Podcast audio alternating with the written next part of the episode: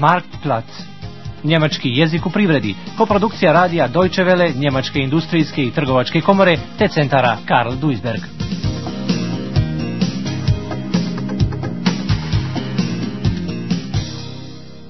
Devetnaesta lekcija. Recycling. Gdje mi je pasoš? Je li u džepu? Nije. Je li možda u komodi? Nije. Gdje da ga potražim? U kuhinji, u dječjoj sobi. Šta će biti sa putovanjem za Boston na konsultacije? Za putovanje u Sjedinjene američke države potreban je pasoš. Gisela! Ja? Ich, ich find meinen Reisepass nicht. In der Brieftasche ist der auch nicht. Hast du den irgendwo gesehen? Woher soll ich denn wissen, wo du deinen Ausweis hingelegt hast, Schatz? Vielleicht, äh, Schau doch mal in der Kommode im Schlafzimmer nach. In der Kommode, ja. Ach Gott, was man nicht im Kopf hat. Na verdammt, hier ist er auch nicht. Wo könnte ich ihn Na, bloß gelassen haben?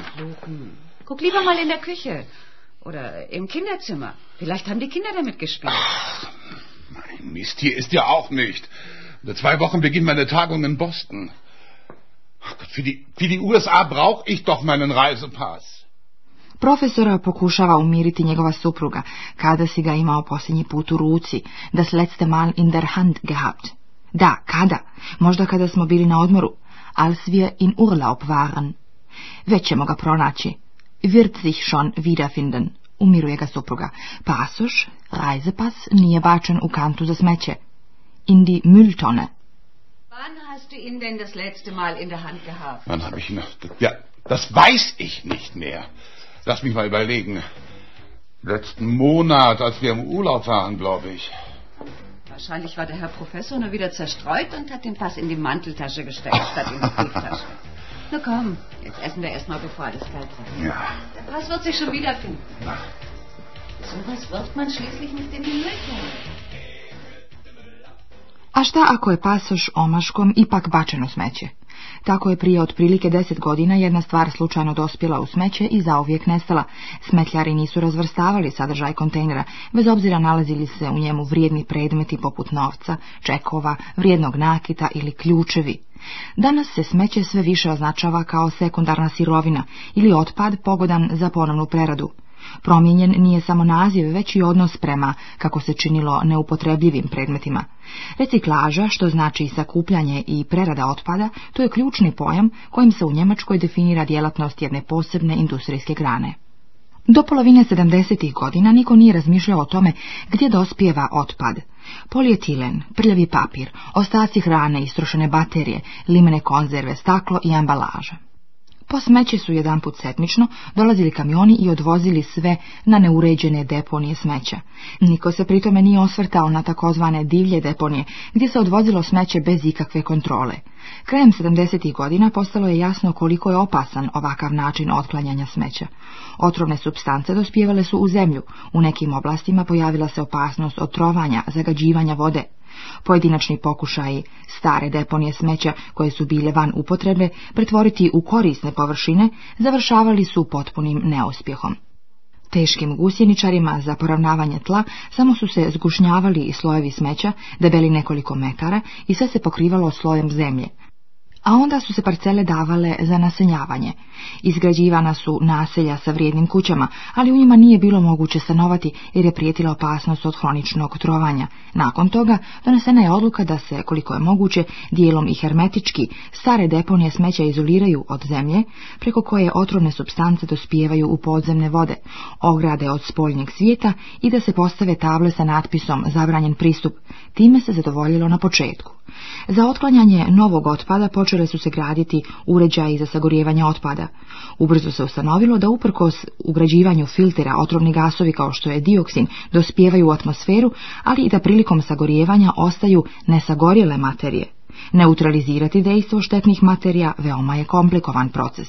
Pored toga, u borbi protiv deponija za sagorijevanje smeća pojavili su se mnogobrojni protivnici. Čim bi se pojavile glasine o takvim deponijama ili o otvaranju novih deponija, odmah su se formirale inicijative koje su odmah organizovale protestne akcije. U Njemačkoj se osnovao ekološki pokret. Njegovi članovi tražili su štedljiv odnos prema raspoloživim resursima i optužili konzumentsko društvo za pljačkaški odnos prema prirodi, odnosno eksploataciju prirode. Pojavili su se poduzetnici koji su shvatili izazov vremena i koji su počeli da investiraju u uređaje za recycling. Umjesto jednog kontejnera, kao što je to bio slučaj do sada, u stambenim kućama pojavila su se dva kontejnera, zeleni za karton i stari papir, a sivi za ostali otpad. Na određenim mjestima nikli su i kontejneri za druge vrste otpada, podesne za ponovljenu preradu, staklo, limenke, papir i tekstil. Transport posebno otrovnog otpada, poput starih baterija, ostataka nafte, boja i lakova, kao i neupotrebljivih lijekova, posebno je organiziran. Stanovništvo se aktivno uključilo u sortiranje smeća i posmatra to kao mali doprinos u očuvanju čovjekove okoline. Značajnu ulogu u formiranju javnog mjenja odigrali su umjetnici različitog žanra. Na izložbama su se tako mogle vidjeti skulpture napravljene od otpada, skupocjeni namještaj napravljen od starog, namjerno zgužvanog papira, natopljenog mješavinom koja se stvrdne. Umjetnost je potražila odgovore na pitanja koja su se našla pred konzumentskim društvom. Popularni genski ansambl Black Fuse čak je uvrstio u svoj repertoar pjesmu o transportu smeća, Müll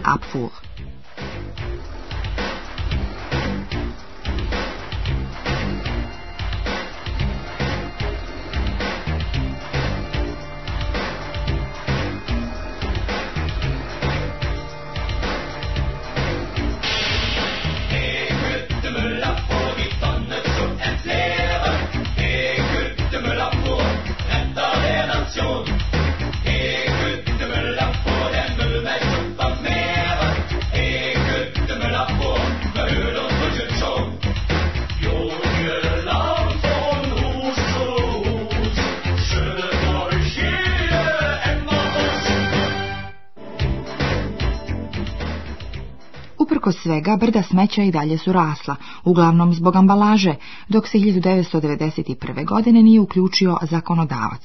Usvojen je takozvani propis o ambalaži.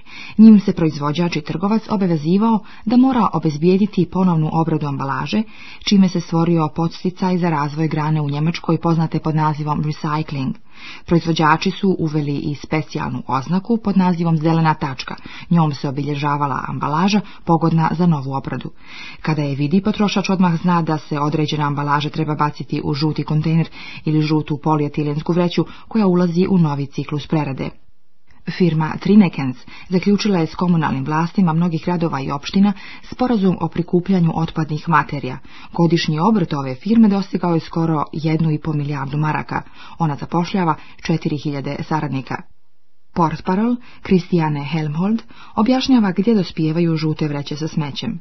Najprije jedan viljuškar, frontlader, transportuje vreće sa smećem do mašine koja otvara vreće, Zak Aufreiser. Nakon toga se materijal istovara na ulaznu pokretnu traku, Steigeband. Das Material wird nun mit einem Frontlader direkt hier eingegeben in eine, so einen sogenannten Sackaufreißer. Das ist eine Apparatur, die mit sehr scharfen Messern arbeitet und dafür sorgt, dass die gelben Säcke zerkleinert werden, aufgeschlitzt werden und das Material dann ganz lose auf ein Steigeband geleitet werden kann. Uz pomoć ogromnog rotirajućeg prošupljenog bubnja iz sekundarnog otpada izdvajaju se predmeti većeg volumena, a s njima i polijetilen. U sljedećem odjelu elektromagnet izdvaja sve željezne predmete, odnosno otpad.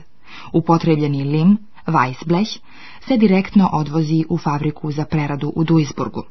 Für das aussortierte Weißblech gibt es entweder die Möglichkeit, wie wir es gerade vor uns sehen, dass es in einem sehr großen Container gelagert wird und dann mit Hilfe einer sehr schweren Presse verpresst wird. Es gibt natürlich auch die Möglichkeit, direkt in kleinen Ballenpressen das aussortierte Weißblech zu handlich in kleinen Ballen zu verarbeiten. Das Weißblech geht von hier aus direkt zum Verwertungsbetrieb. Das ist in diesem Fall die Thyssen Stahlhütte in Duisburg. Die Blechpakete kommen dort an und werden zusammen mit anderen Weißblechen oder mit anderen Metallen eingeschmolzen und zu neuem Material verarbeitet. U sljedeći schritt procesa razvrstavanja mora se uključiti čovjekova ruka, ručni rad, hand anlegen. 14 razvrstača, Sortierkräfte, rade u dvije smjene, zwei Schichtbetrieb. Nachdem bisher die Technik also sehr gut für uns sortiert hat, ist es dann im nächsten Schritt schon nötig, dass auch Hand angelegt wird wir haben hier in unserer Anlage 14 Sortierkräfte, die im Zwei-Schicht-Betrieb von morgens um 6 bis abends um 22 Uhr Materialien aus den gelben Säcken und gelben Tonnen sortieren. Es handelt sich hierbei um Materialien, die nicht mit Hilfe einer Technik bisher sortiert werden können. Das sind beispielsweise Plastikflaschen. Leere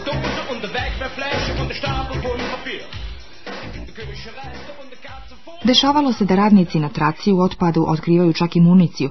Jedan put su pronašli i protutenkovsku haubicu i policija je dolazila sa psom i tražila komade odjeće koje je u smeće bacio ubica. Oni su pronađeni, a zločin je riješen. Ali to je više izuzetak, podvlači diplominari inženjer Wolfgang Peters, šef odjela za razvrstavanje smeća. Pronaći novčanike u kojima su lični dokumenti, das Portemonnaie, vodi Ausweise drin sind, To je relativno relativ čest slučaj. Ljudi se strašno raduju kada im se vrate izgubljeni dokumenti. Die einzige Möglichkeit, überhaupt was zu finden, größtenteils sind meistens Ausweise, Ausweiseportemonnaies, wo die Ausweise drin sind. Da haben wir eigentlich schon eine relativ hohe Trefferquote.